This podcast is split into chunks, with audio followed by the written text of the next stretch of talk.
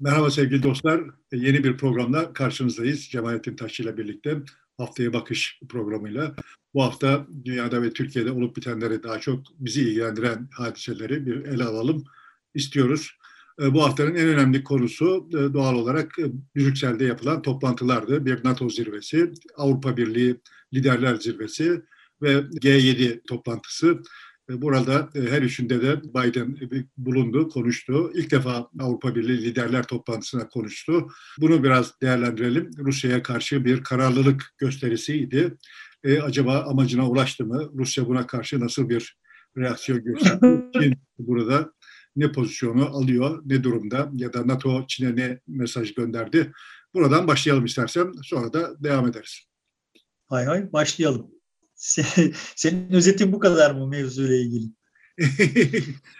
yani çok da özetleyebilirim yani çok şey değil. Yani oradan çıkan NATO toplantısından bir, bir şey, bildiri yayınladılar zaten. Orada dört e, doğu ülkesine, NATO'nun doğu ülkelerine bir e, kuvvet yığıyorlar. 40 bin kişilik. Daha önce 100 bin kişilik bir kuvveti vardı Avrupa'da e, Rusya'yı çevreleyen. Şimdi 140 bine çıkıyor. İşte Romanya, Bulgaristan, Slovenya ve Macaristan şeklinde buralara gelecek. İşte deniz gücünü arttırıyorlar. Karadeniz'in çıkışında Ege'de Karadeniz'e önem atfediyor bildiride. Dolayısıyla Türkiye'nin hani bir takım hassasiyetlerini de giderebilecek bir şekilde değerlendirmeler var orada.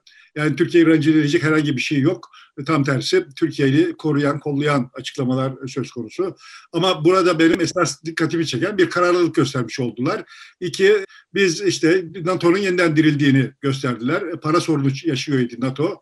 Diğer üyeler para vermiyorlardı. Şimdi onlar para vermeye daha gönüllü e, durdular. Ama burada esas Çin'e bir mesaj var. E, Çin'e dediler ki sen sakın ola e, Rusya'ya bir destek falan olma. Özellikle hani silah milah zaten verme.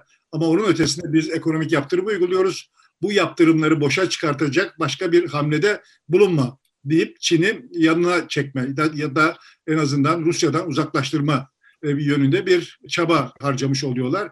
Bir de en önemli vurgu eğer sen kimyasal silah kullanırsan biz buna cevap vereceğiz, karşılık vereceğiz. E işte o zaman bir e, savaşa girmiş olacak NATO'da savunacağız diye söylüyor kendisini. Yani savaşa katılmasının hep Ukrayna'yı yalnız bıraktı, hiç savaşmıyor, bu nasıl olacak? İşte, işte Rusya geldi, istediğini yapıyor falan şeklindeki eleştirilere. Evet bundan sonra kimyasal silah kullanırsa şayet biz e, müdahale edeceğiz deyip orada bir e, adeta kırmızı çizgi çekmiş oldu.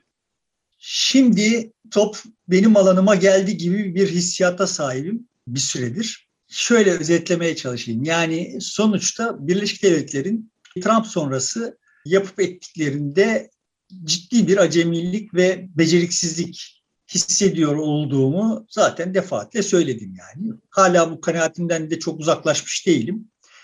Ama dünyanın hakiki probleminin Washington tarafından doğru teşhis edilmiş olduğu intibanı edinmeye başladım. Yani aslında arka plandaki savaşın, postmodern savaşın kimle kimin arasında olduğu konusunda yani Birleşik Devletler'in kendisinin hasmı ve müttefikleri konusunda teşhisi doğru koyduğunu, en azından bir teşhis koyduğunun işaretlerini görüyorum.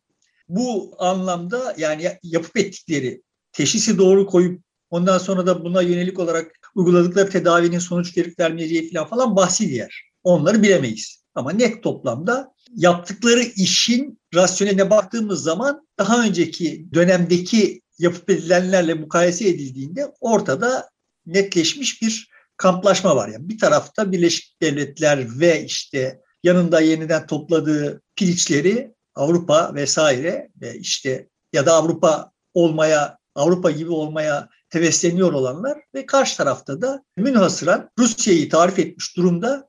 Yani Çin'i değil Rusya'yı tarif etmiş durumda. Çünkü yani meseleyi şöyle koyabiliriz. 100 yıl önce imparatorluklar dağılmış idi. Geriye bir tane imparatorluk kalmış idi. O da Rusya Federasyonu'ydu. Reel olarak 19. yüzyıl imparatorluklarını andırıyor olan dünyadaki mevcut siyasi organizasyonlar içinde biricik olan Rusya Federasyonu. Yani Sovyet Aslında, Cumhuriyetler Birliği'ni bir şey olarak, imparatorluk olarak değerlendiriyorsun. Öyleydi. Evet. Real olarak öyleydi. Bir ideolojik kılıfla bunu derin dondurucuya saklamış idi. Dolayısıyla imparatorluklar dağılırken dağılmamayı başarabilmiş idi. 100 yıl geciktirilmiş idi yani imparatorluk olarak dağılması. Yani imparatorluk niye imparatorluklar niye dağıldı ve işte niye dağılması gerekiyor vesaire filan bütün bunların tahlillerine girmeye kalkmayacağım. Ama hani şu, şuna işaret edeyim. Çin'in ve Hindistan'ın birer imparatorluk sayılıp sayılamayacağı konusunda tereddütlerim var. 19. yüzyıl imparatorluğu manasında imparatorluk. Sayılıp sayılamayacak konusunda tereddütlerim var. Çin, İç Asya'daki bölgeleri, düşük nüfuslu bölgelerini say, e, dışarıda bırakacak olursak oldukça homojen bir etnik ve linguistik kimliğe sahip. Dolayısıyla imparatorluk sayılmaz öyle bakılacak olursa. Tarihsel olarak bakılacak olursa kuzey ile güneyi iki farklı nehir havzası arasında bir çelişki olan bir yer. Aynı dili konuşuyor olsalar da, benzer dilleri konuşuyor olsalar da ama eğer onu ihmal edecek olursak Çin yekpare çok büyük ölçekli bir ulus devlet olarak sayılabilir. Hindistan hakkında hemen hemen hiçbir şey bilmiyorum. Ama çok dilli, çok e, etnisiteli ve çok dinli bir topluluk. Fakat bu böyle bölgesel olarak bir ayrışmaya sahip değil. Yani hemen her bölgesinde hemen her etnik kimlikten ya da e, dil grubundan birileri var gibi görünüyor. Dolayısıyla onu da klasik anlamda bir imparatorluk sayabilir miyiz bilmiyorum. Bunlara işaret etmek istememin sebebi şu. Yani eğer yeni imparatorlukların dağılma sürecine girdiysek, imparatorlukların dağılmasının ikinci fazına girdiysek bu çok şaşırtıcı olmaz. Kolonizasyon da böyle olmuştu. Yani aralarında bir yüz yıl olan iki farklı periyod halinde gerçekleşmişti. Dolayısıyla şimdi imparatorlukların yeniden dağılması, kalan imparatorlukların dağılması sürecine girdiysek bu Çin ve Hindistan'ı da ilgilendiriyor olabilir. Bunlar da böyle hani çok uzun bir geleceğe yayılacakmış gibi de görünmüyor. Tarih çok hızlandı. Dolayısıyla hani işin o taraflarına da bakmak gerekiyor. Ama çok somut olarak görünen şu ki eğer Birleşik Devletler oynadığı ta- tasarladığı oyunu doğru oynamayı başarabilirse Rusya İmparatorluğu dağılacak. Rusya ee, aslında e, Sovyetler Birliği dağıldıktan sonra küçülmüştü. Neredeyse e, küçük bir devlet haline dönüşmüş idi. Bir dağılma süreci yaşadı 90'larda. Sonradan toparlandı. Yani o dönem belki imparatorluk özelliğini kaybetmişti. Peki Batı bu dönemde tam onu dönüştürme imkanına sahip iken e, yeniden imparatorluk özelliklerine kavuşmasına niye göz yumdu, müsamaha etti? Rusya nasıl küçülmüştü, nasıl yeniden toparladı yani kendisini? 90'ların başında büyük oranda ekonomisi de çökmüştü. Darbe üzerine darbe yapıyordu. Komşularını çok fazla söz geçiremiyordu. Dağılmışlardı. Hepsi bir ayrı ayrı devlet kurdu. Yani biraz daha belki Batı daha dikkatli davransaydı o zaman e, bunların bütün bağı da kopabilirdi belki birbirleri arasındaki. Ya bu işler böyle akıllı davranmakla falan filan olan şeyler değil genellikle. Sonuçta Osmanlı İmparatorluğu da dağılırken 300 yılda dağıldı. Yani orada Batı şöyle yapsaydı Osmanlı İmparatorluğu daha çabuk yani kimsenin imparatorlukları dağıtmak falan filan gibi bir insiyakı yoktu zaten. Demeye çalıştığım şey şu tarihi seyri itibariyle imparatorlukların hayatiyetini sürdürme imkanları ortadan kalkmış ve bu böyle bir dönemde anakronik olarak varlığını sürdüren bu varlığını sürdürmesinde büyük ölçüde elindeki nükleer silahların varlığına borçlu olan bir imparatorluktan söz ediyoruz. Burada temel temel mesele şu. Verimsiz bir nüfus. Rusya nüfusu verimsiz bir nüfus. Yani neden öyle? Çünkü siyasi olarak bir imparatorluk şeklinde örgütlenmiş ve isteyenin yani devletin devlete arkasına alanın herkesin malına çökebildiği, her şeyine çökebildiği absürt, tarih tarihte kalmış bir siyasi organizasyon Rusya. Sıkıntı buradan kaynaklanıyor. Yani sıkıntı derken kastettiğim yani anakronik olmasını sağlayan şey bu. Bu vesileyle şunu söylemiş olayım. Yani biz şimdi Türkiye'de işte diyelim ki Bodrum'da adamın birisi akıllıca bir iş yapıp işte şuradan şöyle bir icazet de alıp bir otel yapıyor. Buradan bir ticari gelir elde edecek. Sonra birileri gidiyor o otele çöküyor. Veya birisi işte gidip bir yerde bir demir çelik fabrikası alıp onu abad ediyor. Sonra birileri gelip ona çöküyor filan. Bunları da böyle çok tuhaf şeyler olarak filan anlata geliyoruz. Bunlar on binlerce yıl boyunca tarihin normuydu. Şimdi böyle nostalji yazanlar falan filan ve işte piyasaya, kapitalizme sövüp sayanların ihmal ettikleri şey kapitalizm yokken, piyasa yokken Tarihin normu buydu. Gücü yani, olan, hani, devleti arkasına alan başkasının malına el koyabiliyordu yani. Tabii yani sonuçta hani çok bildik dörtlük vardır. Şalvarı şaltak Osmanlı, eğeri kaltak Osmanlı, ekende yok, biçende yok, yiyende ortak Osmanlı diye. Yani bu şimdi bütün tırnak içinde o dönem imparatorlukları için söylenebilir bir şeydi ve insanların yoksulluğunun potansiyellerini harekete geçirememesinin vesaire falan arkasında yatan temel dinamik de buydu. Yani orada bir yerlerde sen burada ne yaparsan yap eğer belli bir zenginlik üretirsen buna çökebilecek, kimseye hesap vermek zorunda olmayan bir takım iktidar odakların olmasıydı. Şimdi Batı'da bu iş 17. yüzyıldan sonra 18. yüzyılla birlikte ya da işte 17. yüzyılın sonlarında İngiltere'de sonrasında da Batı'da bu iş değişmeye başladı. Ama işte Batı'da öyle anlatıldığı gibi değil falan değil yani. Evet sonuçta Batı'da da diyelim ki Birleşik Devletler'de de sen şimdi çok daha yani bir fikrin var. Bunu hayata geçir Facebook yapamayabilirsin yani. Her dahiyane fikir Batı'da da her dahiyane fikir eşit adil rekabet çerçevesinde hayata geçme şansına sahip gibi bir, bir durumda değiliz. Ama mesele şu bunların arasından bir biçimde çiçeklenebilmiş olan yani her tohum ağaç olmuyor ama ağaç olabilene kimse balta vuramıyor yani. Dolayısıyla yani Batı dediğimiz bu iktisadi organizasyonun yani bu işte herkesin ağzını aç, açtığında söyleyip saydığı kapitalizm ve efendim işte piyasa vesaire falan falan diye söyleyip saydığı şeyin farkı daha öncesinden farkı bu.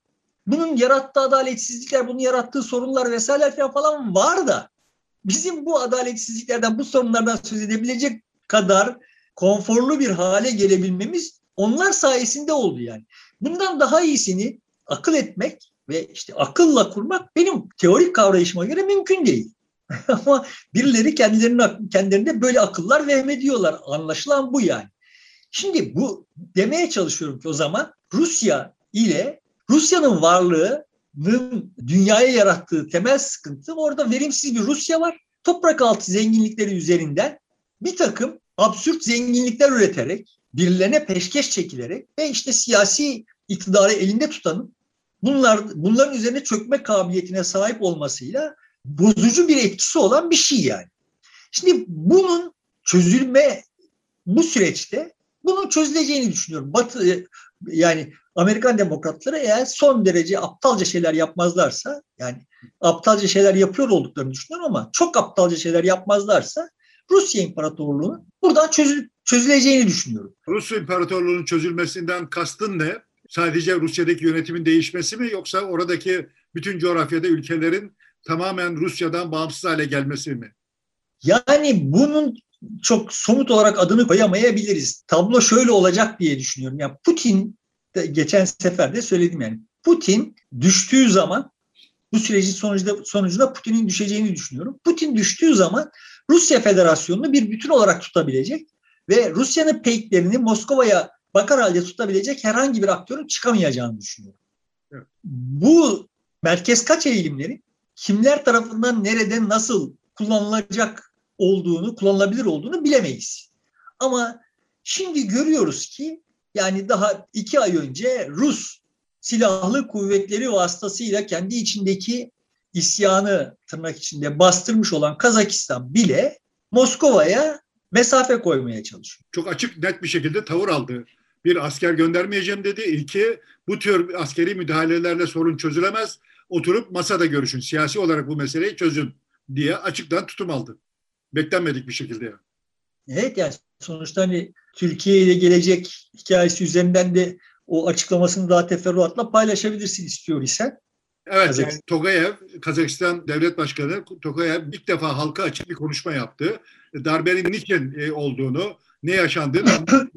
Bunun e, sebebi olarak da işte süper başkanlık sisteminden kaynaklandığını, orada e, fark edilmediğini, çünkü denetlenmediği için pek çok şeyin kolayca devlet içerisinde bazı unsurların örgütlendiğini ya da devlet içindeki bazı unsurların farklı davranabildiklerini ve darbeye teşebbüs ettiklerini söylüyor ve bunu uzun uzun anlatıyor. Pek çok hikayesini anlattıktan sonra çözüm olarak şunu öneriyor. Diyor ki biz süper başkanlık sisteminden vazgeçmemiz gerekiyor. Bir kere e, başkanın denetlenmesi gerekiyor. Gene başkanlık olması lazım ama bütün güç ve yetki başkanda olmaması gerekiyor. Parlamentonun onu denetleyebilecek şekilde güçlendirilmesi lazım. Bunun için başkanın görev yaptığı zaman diliminde e, bir şey olması, partiyle görevinin askıya alınması, kanunen e, parti üyesiliğinin son, sonlandırılması, sonra görev bittikten sonra dönebilir e, partisine diyor. Onun ötesinde şunu da söylüyor. Çünkü bunu yapmaz isek rekabeti tam olarak sağlayamayız ve seçimde gerçek netice ortaya çıkmaz. Bir eşitlik olmaz rekabetin içerisinde, adil olmaz bu mücadele. Bir taraf ağırlıklı olarak kazanabilir. Bu doğru bir yöntem değil diye seçimi etkisini eleştiriyor orada. Bununla da kalmıyor. Diyor ki yargı sisteminin de partiden arındırılması gerekiyor. Orada işte bize tekabül eden Sayıştay, Danıştay türü bir de Devlet Yüksek Denetleme Kurulu var galiba. Oradaki yargıçların parti üyeliklerine son verilmesi gerekiyor diyor. Ya da parti üyesi olmayan yargıçlar orada görevlendirilmesi gerekiyor diye açıkça vurgu yapıyor. Bir de Anayasa Mahkemesi bizde yok. Bunu talep ediyoruz diyor. Yani başkanlık sisteminden güçlendirilmiş parlamenter sisteme geçelim şeklinde bir önerisi yok. Başkanlık sistemi olsun ama başkanın gücü olabildiğince azaltılsın, parlamentoya aktarılsın ve hukuk yani yargı da e, ayrıca bir güçlü bir merkez olarak kalsın. E, bunun partiyle bağı da kapatılsın ve üçü birbirlerini denetleyerek e, yönetimi devralsınlar, yönetsinler diye bir talepte bulunuyor ve bunu kamuoyu önüne yaptığı açıklamada, herkesin önünde yaptığı bir açıklamada dile getirdi. Bu da önemli. Mayıs ayında, Mayıs'ın ortası gibi Türkiye'ye gelmesi bekleniyor kendisinin. Nazarbayev de Türkiye'ye gelmiş idi. Diplomasi formunu Antalya'daki. Onun gelmiş olmasından dolayı da Türkiye'yi davet etmiş olmasından dolayı da teşekkürlerini sunuyor. Türkiye'ye hani benim rakibimi niye aldın oraya diye bir itirazı yok. Tam tersi çağırdın, ona hakkını verdin diye teşekkür de ediyor. Kendisi de işte Mayıs'ta planlandığı üzere e, gelecek. Bir tarih belirlenecek, o tarihte gelecek. Ha, yani şimdi benim hani şematik olarak güçlü devletlerden güçlü toplumlara doğru geçiş konusunda ihtiyacın herkes tarafından bir biçimde hissediliyor olduğunu gördüğüm bir dönemde yaşıyoruz. Ve burada bu güçlü devlet, zayıf toplum anlamında dünyanın şu anda en kolay vurulabilir hedefi Rusya. Rusya'yı vuruyorlar. Burada Ukrayna'yı kurban ettiler. Yani Zelenski'ni Zelenski ile e, işbirliği içinde anladığım kadarıyla Ukrayna'yı kurban ettiler ama net toplamda Rusya'yı bu Ukrayna'ya çekip burada vuracaklar. O görünüyor yani. Ve Togayev'in söyledikleri de görünüyor ki ya Togayev bile Kazakistan'da bile eğimin daha güçlü toplumlara doğru gidiyor olduğunu görmüş. Niye öyle oluyor? Çünkü daha güçlü toplumlar ekonomik olarak daha verimli toplumlar. Yani yukarıda bir yerlerde akıllı bir takım insanların karar verdiği sistemler yani piyasanın yerini bir takım akıllı insanların aldığı sistemler olmuyor. Bu ister sosyalizm adı altında olsun, ister işte şimdi Putinizm adı altında olsun. Her ne olursa olsun bu olmuyor yani. Türkiye'de de olmuyor.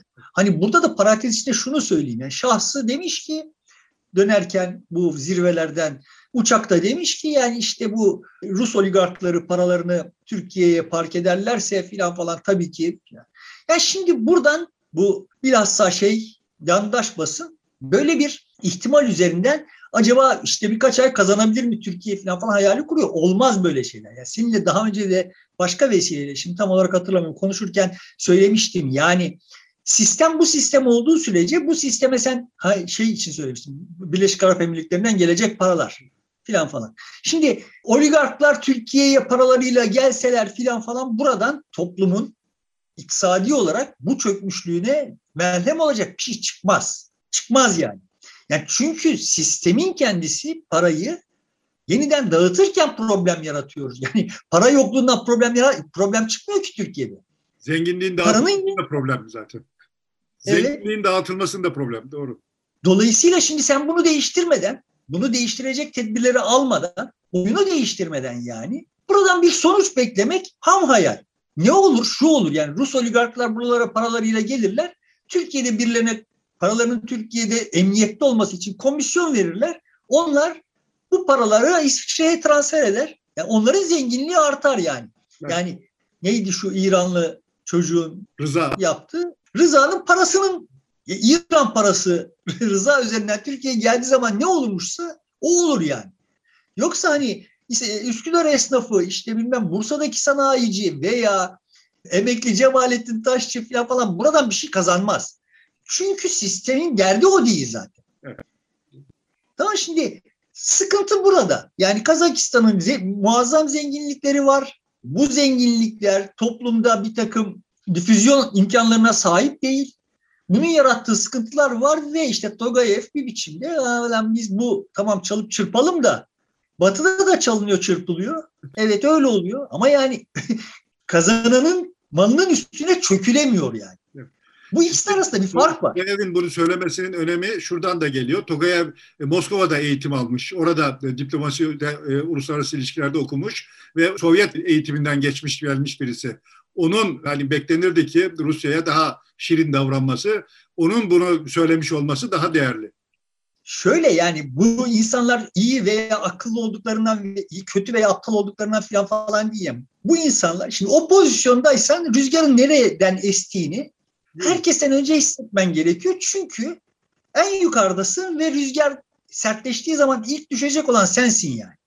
Dolayısıyla şimdi rüzgarın nereden? Yani Erdoğan Trump gidince birdenbire böyle çok aklı başına geldiği için filan falan böyle batıyla filan iş tutmaya çalışır bir hale gelmedi. Evet. Hissetti ki yani ulan Trump yoksa artık eskisi gibi davranamam çünkü tepeme binerler. Yani beni indirirler.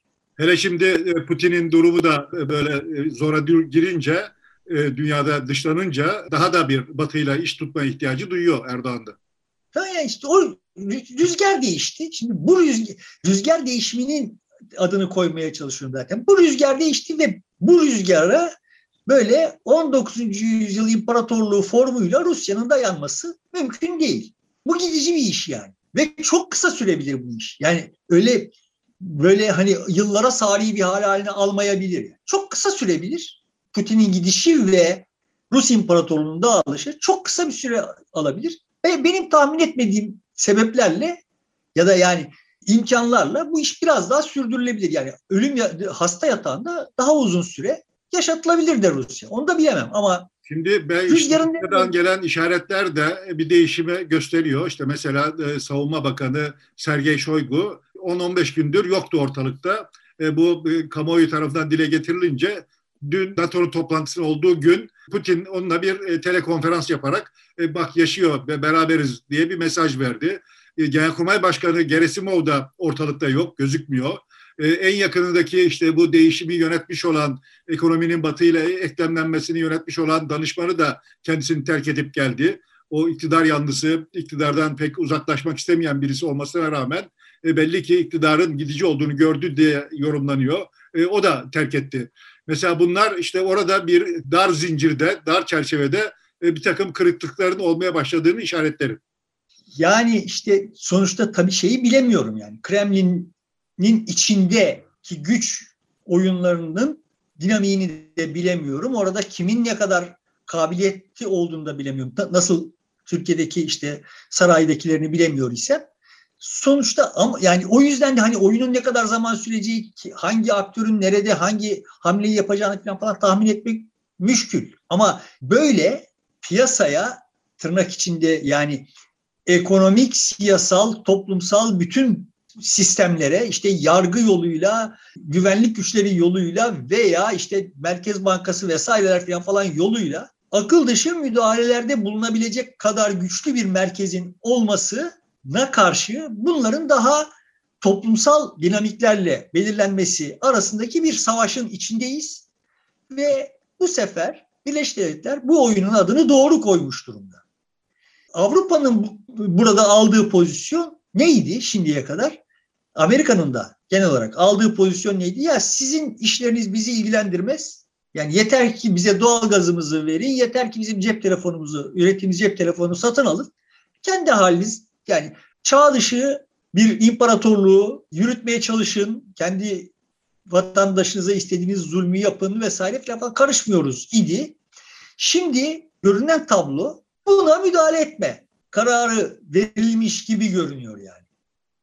Hani böyle formüle edince çirkin oluyor olay ama ama iş oraya doğru gidiyor yani bunu görebiliyoruz. İlla birilerinin bir karar vermiş olması da gerekmiyor ama işin oraya doğru akmakta olduğu belli oluyor. Evet. Dolayısıyla şimdi bu savaşı böyle tarif edecek olursak teknik olarak burada artık çağ dışı kalmış olan Rusya İmparatorluğu'nun çözüleceğini bekleyebiliriz. Bu bilahare Çin'de, Hindistan'da, dünyanın başka yerlerinde ne tür yansımalara yol açar bilmiyorum. Ama karşı tarafında yani Rusya'nın arkasında duran kesimler kimlerse onların da eli armut toplamıyor. Yani kabaca diyebiliriz ki her iki grubun da arkasında devasa sermaye grupları var. Evet. Sonuçta Rusya'daki enerji kaynaklarının böyle devlet tarafından kontrol edebiliyor veya Türkiye'deki maden sahalarının devlet tarafından imtiyaz olarak dağıtılabiliyor olmasından menfaatlenen kesimler var. Yani güçlü devletlerin olmasından menfaati olan kesimler de iktisadi kesimler var öyle değil mi ya şimdi düşün ki Türkiye'nin maden arama ruhsatları o yani 10 yıldır gündemde olan bir husus ve bu maden arama ruhsatları imtiyaz olarak devlet tarafından bir tek kişinin devlet dediğimizde artık bir tek kişi yani o bir tek kişinin verdiği kararla Celal'e değil de Cemal'e verilebiliyor ise dolayısıyla bir tane muhatabım var ise hayatın kolay. Ama bu böyle devasa bir bürokrasi toplum tarafından kontrol edilebilir bir bürokrasi marifetiyle yapılıyor ise işte sen Kaz Dağları'nda aldığın ruhsatı hayata geçiremiyorsun orada direnişler oluyor vesaire filan falan. Değil mi yani ben eğer büyük sermaye sahibiysem ve buradan bir şey elde edeceksem Türkiye'de bir diktatörlük olmasını tercih ederim. O diktatörlük ister İslamiymiş, ister sosyalistmiş, ister neyse yani. Fark etmez yani. Orada bir tane adam olsun ki satın alabileyim yani. Benim kazanmama yardımcı oluyorsa, destek oluyorsa kimse hangisinden olursa olsun fark etmez. Desteklerim evet. anlayışı var zaten. Hayır, onu ben satın alamayabilirim ama yine bizimki ekipten birisi satın alacak. Yani oralarda satın alınabilir adamların olması ya da yani tek merkezde toplanmış olmasından menfaati olan büyük sermaye grupları var. Bunun karşısında da bu işlerin böyle olmamasından menfaati olan büyük sermaye grupları var. Yani şimdi Zuckerberg için de oyunun böyle olması yanlış. yani adam Facebook üzerinden, Google üzerinden bir şeyler yapıyor ise o zaman da toplumun güçlü olması yani Bill Gates için lazım olan şey ne? O servetin olabildiği kadar çok yayılmış olması dolayısıyla daha çok kişinin Microsoft ürünü satın alabilecek güce sahip olması gerekiyor. Derdimi anlatabildiğimi zannediyorum. Yani evet. net toplamda iki ayrı sermaye, sermaye dediğin şey yekpare bir şey değil yani. Sermayenin bir kısmı için toplumların güçlü olması ve zenginliğinin olabildiği kadar difüze olarak dağılması gerekiyor ki o daha çok kazansın. Öteki taraf için de toplumların zayıf olması, senin e, altın çıkaracağım ben buradan dediğin zaman karşına halkın gelememesi, bir direniş örgütleyip senin işte ağaç kesmene mani olamaması. Dolayısıyla devletin çok güçlü olması senin menfaatine. İşte böyle iki ayrı menfaat grubu var ve bu menfaat gruplarından bir tanesi Rusya'nın mevcut sistemin arkasındaydı. Öteki menfaat grubu anlaşılan o ki bu oyunu Rusya'da sona erdirmeye karar verdi. yani çok şematize edecek olursam tablo böyle bir tablo. Öyle gözüküyor doğru. Ve, ve bu maçı kazanacak gibi görünüyor. Eğer çok ekstra bir takım kartları yoksa Putin'in bizim görmediğimiz, bilmediğimiz bir takım kartları yoksa Ukrayna Kiev'e girebilir yani. Ama Putin kendisini koruyamayacak. Yani son tahlilde iş şuraya varabilir. Tamam kardeşim bana dokunmayın, benim servetime dokunmayın. Aha ben Fransa'ya gideyim bir villamı alayım veya şurada işte Rusya'daki şu yeni yaptırdığım sarayımın tadını çıkarayım ölene kadar. Bana dokunmayın. Rusya sizin olsun noktasına da gelebilir. Bilemem ya bunlar, bunların hangisinin nasıl gelişeceği falan falan bilinebilir şeyler değil. Şimdi buradan şuna gelelim. Ben Bitcoin'i Bitcoin'in arkasındaki felsefeyi Bitcoin'den önce Çin'in pozisyonunu da bir değerlendirelim. Oradan e, oraya geçersek belki daha iyi olabilir. NATO zirvesinin toplandığı gün Çin, e, NATO zirvesi zaten oraya bir mesaj gönderdi. Dedi ki Rusya ile yan yana gelme, destekleme, bizim işimizi engel olma. Ama aynı gün Çin Dışişleri Bakanı Afganistan'a gitti. Taliban'la görüştü. Oysa Taliban'ı tanımıyor. Resmi henüz tanımamış idi. Ve bir anlaşma yaptılar ve Taliban da güvence verdi. Bizden size herhangi bir e, zarar gelmeyecek. Biz güvence altına alıyoruz şeklinde. Yani e, bir Afganistan'a uzanmış oldu. İki, e, e Kuzey Kore e, balistik e, silah füzesini kullandı. Ona attı. Buna karşı Güney e, Kore e, ona cevap verdi karadan havadan füzeler atarak e, denizden ve Japonya da ona karşı çıktı. Hemen Beyaz Saray müdahale etti. Dedi ki ben Güney Kore hem Japonya'nın bütün çıkarlarını korurum bu doğru bir tutum değildir, bu yanlıştır diye. Biz biliyoruz ki Kuzey Kore'nin arkasında Çin var. Çin'e dayanarak bunu yapıyor. Dolayısıyla Çin hem Kuzey Kore üzerinde bir mesaj vermiş oldu hem de Afganistan'a ABD'nin boşalttığı yere giderek oradan da bir mesaj sanıyorum verdi. Yani NATO'nun e, mesajını çok hemen hemen emredersin diye uyacak gibi gözükmüyor. Bunu Bitcoin ile bağlayalım yani. Evet. Şimdi ben Bitcoin'i ve arkasındaki teknolojiyi çok önemsedim, önemsiyorum. Bunu da defaatle söyledim. Ama Bitcoin üzerine konuşmaya başladığımızda genel olarak olay şöyle oluyor yani. Bak Bitcoin şudur, şu potansiyeli var ve işte şöyle bir geleceği olabilir filan falan dediğinde herkes bugünkü Bitcoin fiyatı, Bitcoin'in işte şimdi yap, yap, yap, yapabildikleri yapamadıkları üzerinden filan falan ahkam kesiyor. Şimdi bu bu haklı bir tutum mu? Tut da haklı bir tutum. Şimdiki durumda Bitcoin bu. Ama Rusya, Putin işte ben bundan sonra e, enerjiyi rubleyle satacağım dediği zaman aslında dolara meydan okumuş oldu. Ve biz daha öncesinden de biliyoruz ki dolara meydan okunduğunda Amerika'nın tüyleri diken diken oluyor. Haklı bir sebeple. Buna alternatif olarak yani rubleye alternatif olarak Bitcoin lafı geçti. Şimdi bu, mesela Bitcoin'in potansiyelinin ne olduğu konusunda benim gibi iyimser olanların neden iyimser olduklarını ve ne kadar haklı olduklarını gösteriyor. Yani orada Bitcoin işte 60 binden 20 bine düşüyor, 100 bine çıkıyor filan falan. Bunun üzerine bakmadığın zaman, o teknolojiye ve onun potansiyeline baktığın zaman evet şimdi burada Rusya da şunu görmüş oluyor ki, Putin de şunu görmüş oluyor ki Amerika'nın yumuşak karnı dolar. Ve Rusya düşerken, Putin düşerken Amerika'ya olağanüstü bir hasar verebilir. Yani gerçekten de kendi enerjisini Bitcoin üzerinden satmaya başlar ve bu sadece Rusya ile sınırlı kalmaz. Bu Amerika için olağanüstü bir yıkım demektir. Deminki tarifimizi zenginleştirelim. Rusya 19. yüzyıldan kalma bir imparatorluk. Amerika o tariflerle bakacak olursak imparatorluk değil. Ama şimdi başka bir tarifle bakalım. İmparatorluğu bütün farklı etnisiteler, din grupları falan, falan üzerinde hepsinin kullandığı parayı basma yetkisi, gücü olarak tarif edelim. O zaman Birleşik Devletler yeni tarz, modern tarz bir imparatorluk haline alıyor. Dolar üzerinden bir imparatorluk. Evet. Rusya klasik bir imparatorluk olarak çökerken Amerika'nın da postmodern bir imparatorluk olarak çöküşüne zemin hazırlamış olabilir ve mesela diyelim ki bu tabii ki Çin'in işine gelecek, Avrupa'nın işine gelecek. Şunları unutmamak gerekiyor. Sonuçta biz çok mesela durmadan sistemi çok ırgalıyor olduğunu söylediğimiz temel problemlerden bazıları işte nelerdi?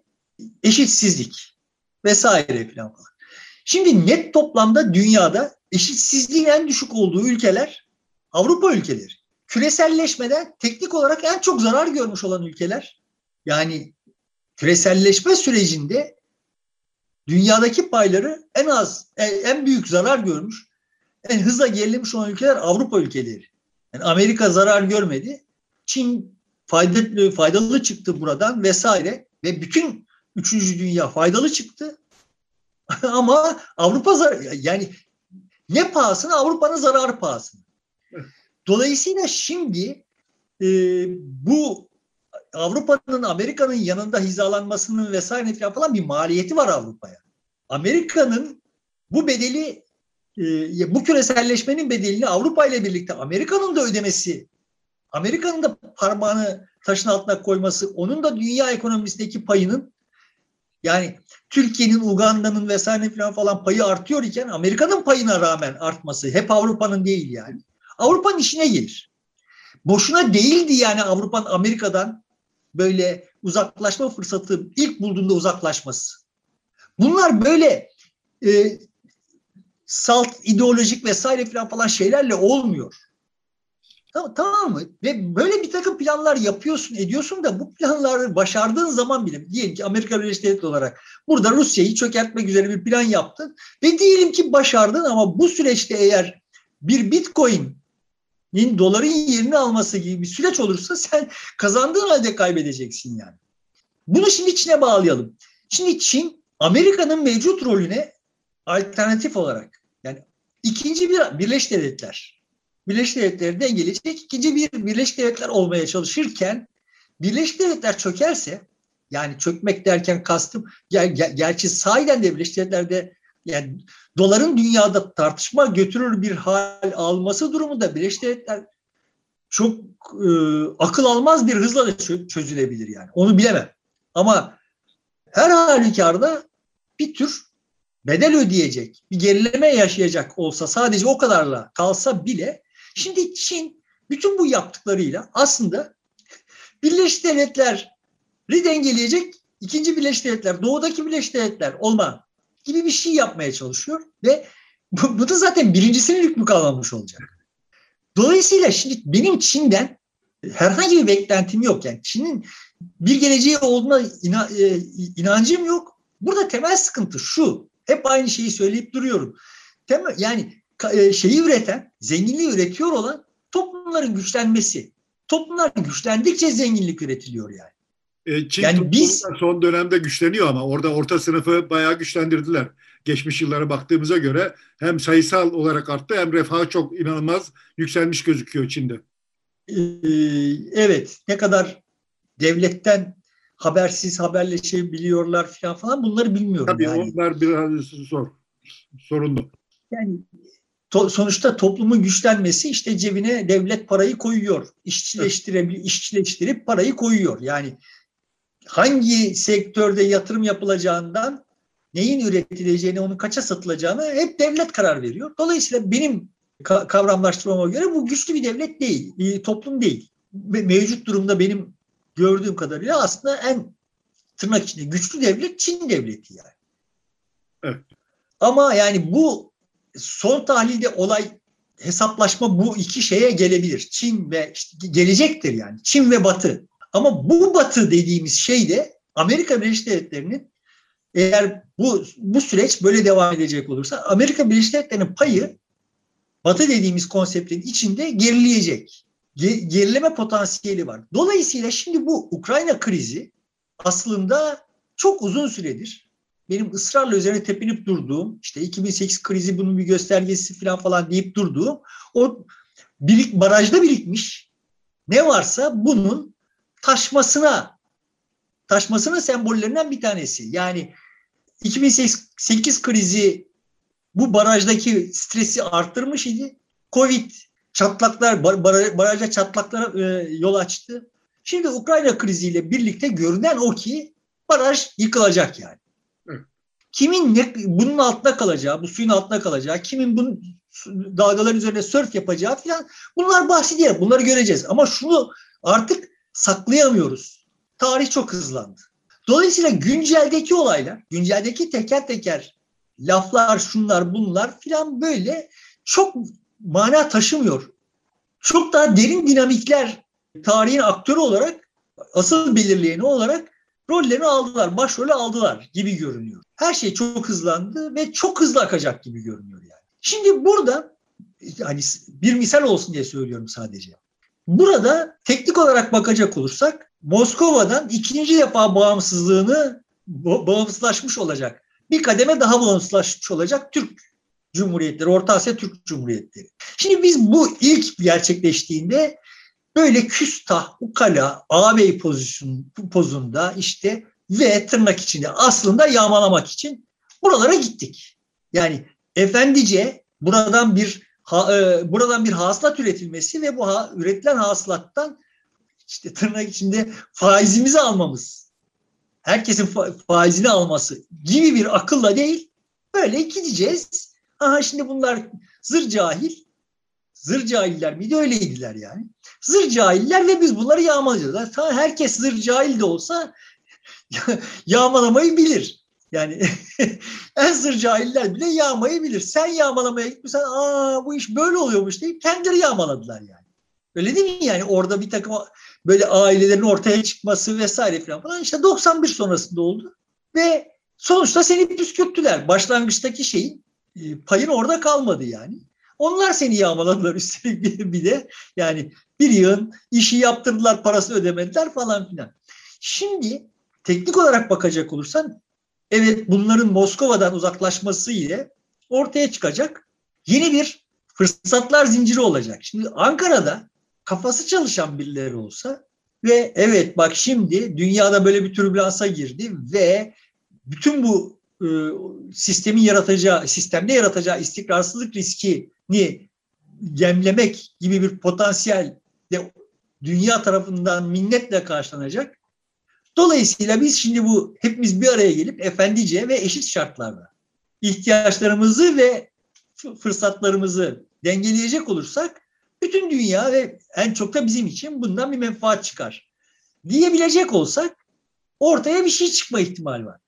Sorun şu, bunu diyebilecek bir şey var mı Ankara'da? Yok. Bunu üretebiliyor musun? Yok. Üretemiyorsun. Mevcut şartlarda üretemez. Sistem bu yüzden yanlış. Yani sonuçta şimdi Ankara'da Celal bunu akıl edebilir. Ben de akıl edebilirim ve ikimiz farklı farklı stratejiler geliştirebiliriz. Tamam mı?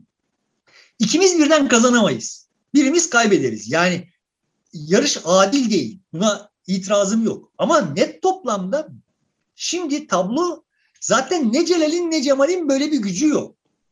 Sıkıntı buradan kaynaklanıyor. Yani kardeşim bak adaletsizlik vesaire falan bir itiraz ediyorsunuz. Haklısınız bir itirazım yok.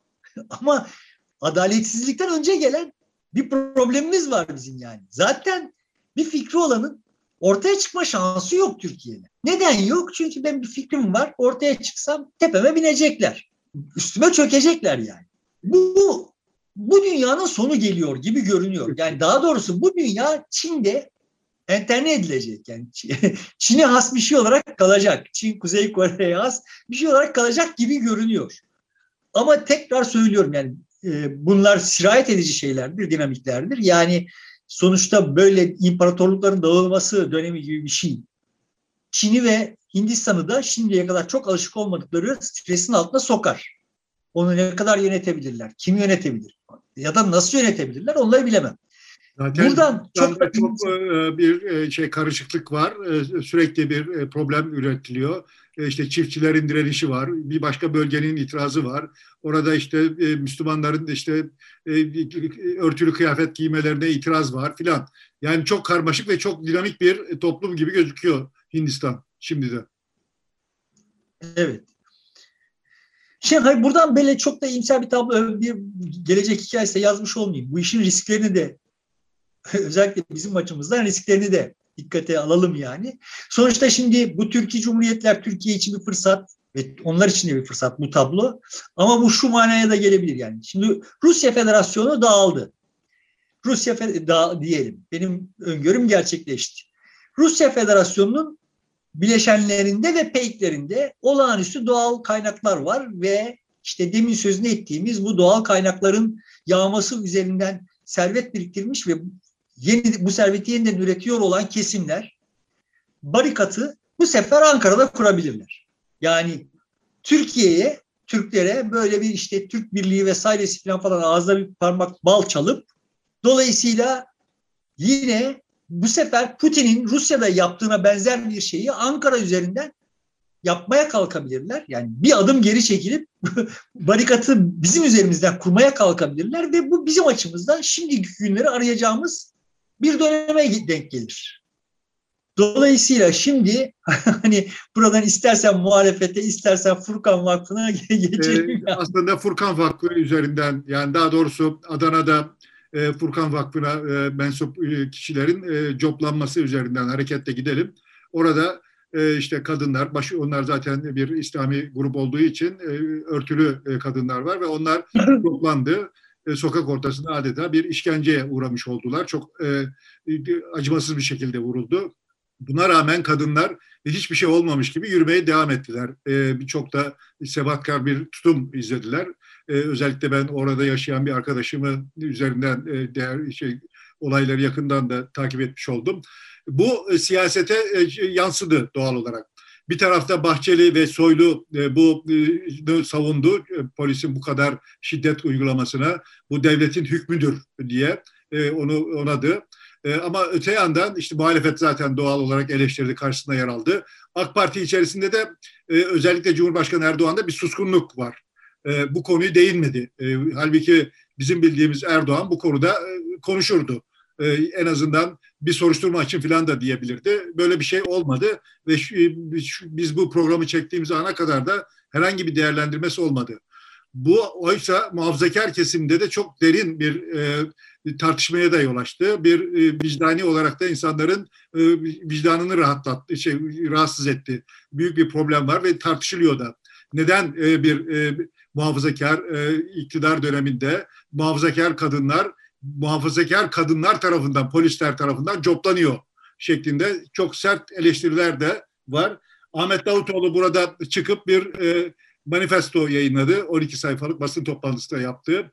E, ve AK Partili milletvekilleri başta olmak üzere seçilmişler ve eskiden AK Parti'de görev yapmış olanlar ve sivil toplum kuruluşları ve AK Parti'ye oy vermiş olan herkese çağrıda bulundu. Buna itiraz edin, korkmayın, açığa ortaya çıkın, mücadele edin. Erdoğan'ın bu tutumunu değiştirmesi için parti içerisinde mücadele edin buna inanıyorsanız. Değilse ben buradayım, e, bize gelin. Ben bu mücadeleyi vererek geldim.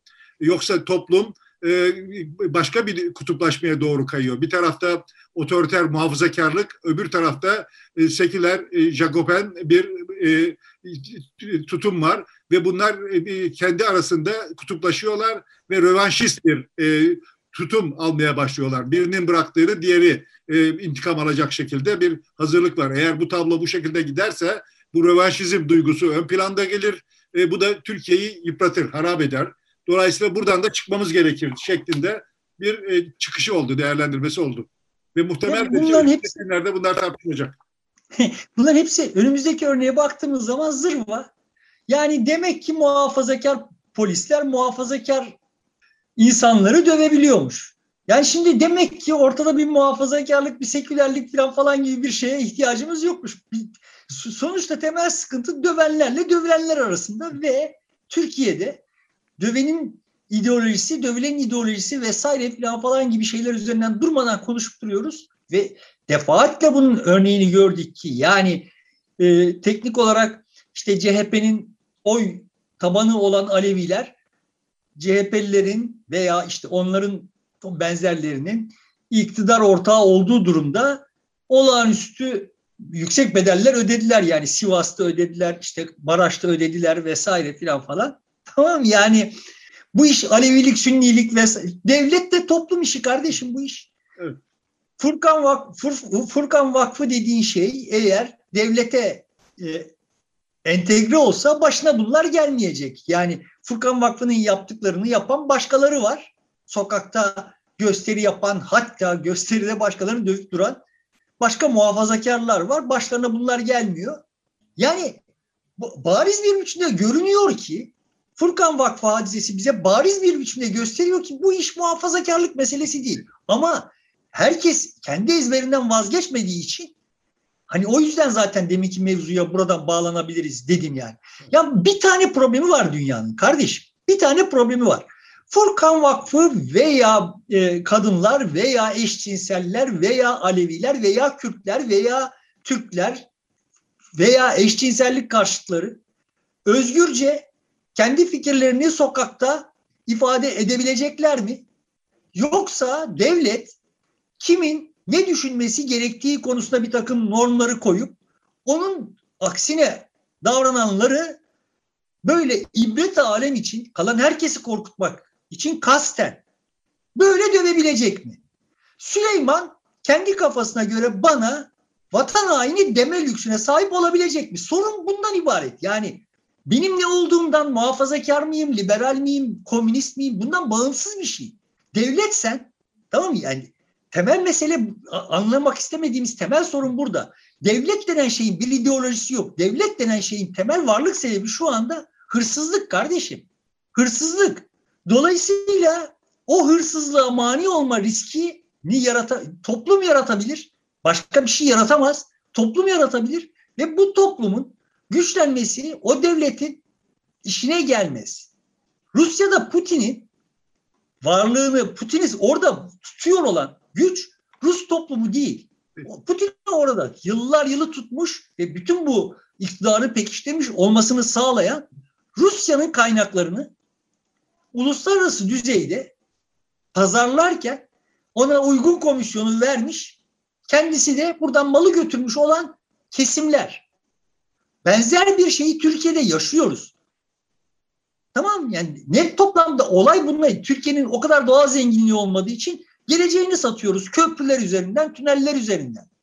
Dolayısıyla böyle hala muhafazakarlık, hala bilmem ne konuşuluyor olması benim tüylerim diken diken ediyor. İşte görüp duruyorsun bak. Yani başörtülü kız başörtülü kıza vuruyor. Kadına vuruyor. Oradan bir başka başörtülü aklı başında başında bir başörtülü yani ibretlik bir e, tweet o Nihal Olçoğ'un tweet'i. Yani, çerçeveletip basmayı düşündüm yani şimdi mealen söyleyeceğim. Vurma kızım vurma diyor. Biz hani bu jobların acısını biliyoruz çünkü hani bunları bize vurdular. Senin Sen başörtüsü takabilmen için biz o jobları çok yedik diyor. Evet ve ben biliyorum ki o başörtülü polise bu laf bir kulağından bile girmez. Hani bir kulağından girip bir kulağından çıkar diyeceğim. Girmez kardeşim. Polis sen o copu eline almışsan ve vurabileceksen yani seni cesaretlendiren bir Devlet Bahçeli bir Süleyman var ise o copu vay başörtülüymüş, başörtüsüzmüş, mini etekliymiş düşünmeden vurmak istersin. Sıkıntı bundan kaynaklanıyor. Yani gücü konsantre ettiğin zaman burada artık ne muhafazakarlık, ne dinlik, ne dindarlık, ne dinsizlik bir şey kalmaz. Neyi anlaşamıyoruz? Görüp durduğumuz halde neyi anlaşamıyoruz? Sahiden anlamıyorum yani. Bir tane problem var dünyada. İnsanlar kendileri olarak aptallıklarıyla, şaşkınlıklarıyla, şunlarla bunlarla kendileri olarak yaşama özgürlüğüne sahipler mi değiller mi? Neyin doğru olduğuna bir yerlerde bir takım aklı evveller karar verme gücüne sahip olacaklar mı olmayacaklar mı? Onlar layık askerlermiş veya Erdoğan'mış bir şey fark etmez yani. Gücü konsantre ettiğin zaman sonuç bu çıkar. Gücü konsantre etmediğin zaman kaos olur, verimsizlik olur tırnak içinde şu olur bu olur. ama bak gücü konsantre ettiğin zaman bu çıkar ortaya. İşte şimdi muhalefetin de itirazı burada. E, Davutoğlu da o itirazda yapıyor. Merkezileşmesi, denetlenememesi Erdoğan'ın e, bunu e, getirdiğini, bozduğunu söylüyor. Ve esasen zaten hani başörtülü olması dayak yenin önemli değil. Kadının, çocuğun, erkeğin şu ya da bu sebepten dolayı dayak yemesi önemlidir ve buna itiraz etmemiz, buna isyan etmemiz gerekiyor diye söylüyor. Muhalefetin e, bir süredir söylediği de bu zaten. E, bunu gerçekleştirmeye çalışıyorlar, dile getirmeye çalışıyorlar. O yüzden de güçlendirilmiş parlamenter sistem diye ortaya çıktılar ama herhalde daha henüz e, mesafe tam alınamadı. Yani bunlar işte senin iyimser okumaların benim kanaatime göre. Yani ben muhalefetten bana geçen, bana kalan hikaye şu yani işte biz bu, bu program yayınlandıktan bir gün sonra bir daha bir araya gelecekler. Rivayet ne? Komisyonlar kurulacaklar. Bak bu memlekette koalisyon kelimesinden, enflasyon kelimesinden daha tehdit edici bir tane kelime varsa o da komisyon kelimesidir. Şimdi bir şey bir şey idrak etmiş gibi görünmüyorlar. Herhangi bir şeyi idrak etmiş gibi görünmüyorlar. Herhangi bir şey yapabilecekmiş gibi görünmüyorlar. Ve işte Davutoğlu da senin söylediğin bu lafların başına sen de sen söylediğin yani muhafazakar lafını koyuyor. Kardeşim bak bizim sıkıntımız muhafazakarlık şunluk bunluk değil. Bizim sıkıntımız bu devleti bize tasallut edebilecek bir örgüt olmaktan çıkarmak için ne kadar bizim yanımızda duracaksınız. Seni temin ederim ki cümleyi böyle kur. Bunların herhangi birisi Kılıçdaroğlu, Akşener, Babacan, Davutoğlu, Karamollaoğlu herhangi birisi ağzını doldurarak tamam toplumu devlete rağmen güçlendireceğiz diyemez. Diyemez yani. Çünkü böyle bir niyetleri yok. Böyle bir söz vermemek için eveleyip geveliyorlar. Yaptıkları şey bu yani. O hani şurada helalleş. O yüzden komisyon kuruyorlar diyorsun. Evet. Bunu bunu bunu hissediyor olsalar ya bak bunu hissedemezler bulundukları pozisyon itibariyle. Çünkü kendileri birer küçük sultan. Her birisi kendisi bir küçük sultan. Sultanlığı kaldıracağız dedikleri zaman o bir dakika benim koltuk sallantıya gidecek diye korkuyorlar yani. Ama diyelim ki ulan bizim siyasi ikbalimiz bunu zar zaruri kılıyor dediler. Tamam mı? Bunu fark ettiler. Ve bu sebeple bu lafı söylediler. Ben sana garanti veriyorum Türkiye'nin siyasi sosyo, sosyopolitik coğrafyası o anda tepe taklak olur. Tepe taklak.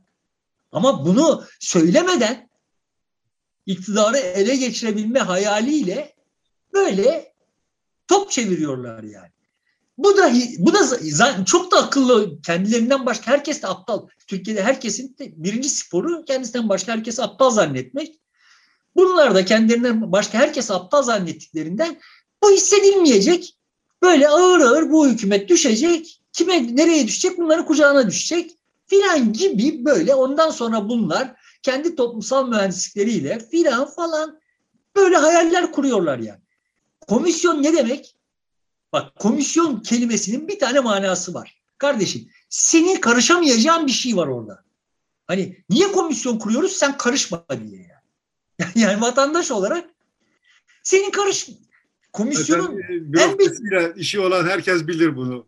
Komisyona havale Evet. oldu. Senin işinde de miydi o iş olmayacak demektir.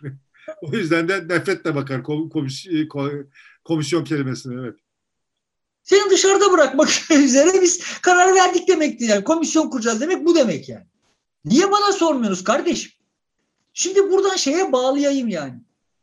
Yani sahiden akıl tutulması bak Furkan Vakfı meselesindeki işte buradan muhafazakarlık tartışması yapmak ne kadar akıl tutulması. İşte adam başlıyor diyor ki ağzını doldura doldura iktidarı şey götürür e, tencere götürür. Bu ekonomik krizden iktidar sağlam çıkamaz. Tamam? Sonra kamuoyu araştırmalarında AKP yüzde otuz çıkıyor hala. Hala çıkıyor kardeşim. Lan zevzek yani ne biçim adamlarsınız siz diyor. Lan zevzek bak sen kendin ke- kendi öne, önermen yanlış demek ki. Demek ki mesele sadece e, şey değilmiş. Öyle ekonomi, aile bütçesi vesaire değilmiş. Başka bir şey varmış. Ama yani tekrar tekrar aynı şeyleri tekrarlamak zorunda kalıp duruyoruz. Şimdi sen bir böyle çok bil- bilmiş bilmiş bir tespitte bulunuyorsun. Sonra bir gerçeklik çıkıyor önüne ve bu bunu yanıltıyor. Burada topu, suçu kamuoyuna atmak. Lüksün varsa eğer bunu sürdürebiliyorsan yani ulan ne aşağılıksınız siz deme lüksün varsa evet bu önermeyi gözden geçirme ihtiyacı ortadan kalkıyor. Dolayısıyla o ahmaklığı, o salaklığı veya o hainliği sürdürebiliyorsun. Bizim problemimiz burada. Yani toplumda bir sıkıntı yok. Toplum hakkında ahkam kesen zevzeklerin tamamı bu iki saçmalığı aynı anda, aynı beyinde sürdürebiliyorlar.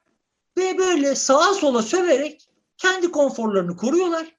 Bu düzen böyle devam ediyor. Sonra işte "Aa, Davutoğlu da çıkıyor sen dediğin gibi. Bak muhafazakar kız muhafazakar kıza kadına vurmuş falan. Yani e, tamam demek ki mesele muhafazakarlık değilmiş. Diyelim, bitirelim peki. Sen hep aynı şeyi söylüyorsun diyorsun zaten yani. Yeni bir şey yok yani. Evet doğru. Güneşin altında yeni bir şey yok ya.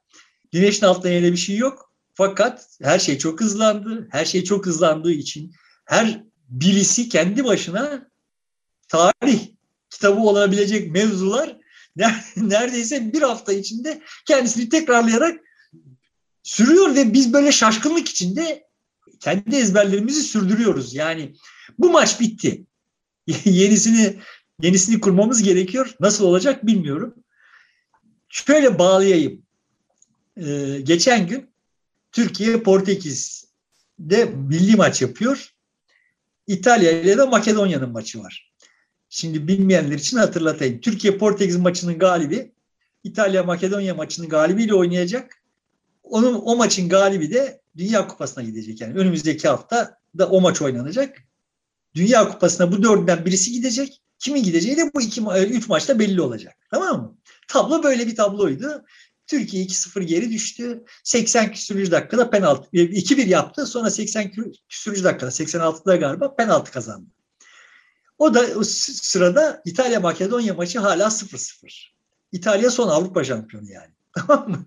Yani normal şartlarda doğrudan gruptan bu playoff'u oynamadan Dünya Kupası'na gitmesi beklenirken onu becerememiş. Playoff'a kalmış. Makedonya'yı yenecek. Türkiye Rus Portekiz maçının galibini oynayacak. Onu da yenecek de Dünya Kupası'na gidecek gibi duruma gelmiş. İtalya'da oynanıyor maç ve maç 0-0. WhatsApp'tan birileriyle mizah yapıyoruz. Maç mizahı yapıyoruz. İşte penaltı oldu. Dedim ki ya bak asıl trajik olan şu olur. Biz şimdi buradan Portekiz eleriz. Çünkü en bek çok beklenmedik bir şey yani. Türkiye'nin Portekiz'de üstelik de Portekiz'i yenip tur atlaması beklenmedik bir şey. Makedonya'da İtalya'ya eler sonra da biz Makedonya'ya eleniriz. yani Dört, grup, dört takımdan bir tanesi gidecek. Düşün şimdi Dünya Kupası'na. İtalya gidememiş, Portekiz gidememiş, Türkiye gidememiş, Makedonya gitmiş falan. Ne kadar trajik olur falan diye böyle mizah yapıyordu. Penaltıyı kaçırdık. Biz zaten şansımızı kaybettik. Uzatmalarda bir tane daha gol yedik ama ama biz o e, penaltıyı kaçırırken Makedonlar İtalya'da İtalya'ya bir gol attılar. Maçı da öyle bitirdiler ve tur atladılar. Portekiz'in rakibi Makedonya oldu. Şimdi benim yaptığım mizah gerçekleşebilir. Yani biz penaltıyı atsaydık 2-0'dan 2-2'ye gelmişiz. O momentumla işte bir üçüncü atabiliriz. Uzatmada filan falan bir şey yapabiliriz. Ve biz Makedonya ile karşılaşabiliriz. Sonra Makedonya elenirse, elenince Türkiye tam bir kabus çökerdi. Bunu niye hatırlatıyorum? Şundan. Şimdi Türkiye'de futbol çöküyor. Yani bütün istatistiklerde olağanüstü bir hızla çöküyor. Ligin e, piyasa değeri de çok çöktüğü için ihalede olağanüstü kötü şartlarda yapılıyor. Yani çöküş daha hızlanacak gibi görünüyor falan filan. Ve Türkiye'nin başına Alman genç milli takımının e, hocasını getirip işte son iki maçta filan Futbol Federasyonu problemi çözmeye çalışıyor. Şimdi bu iş böyle olmaz. Tamam Böyle isimlerle, şahıslarla filan böyle palyatif şeylerle olmaz. Senin bünyenin bir şeyi doğru dürüst üretmesi gerekir. Sonuçta tablo şu.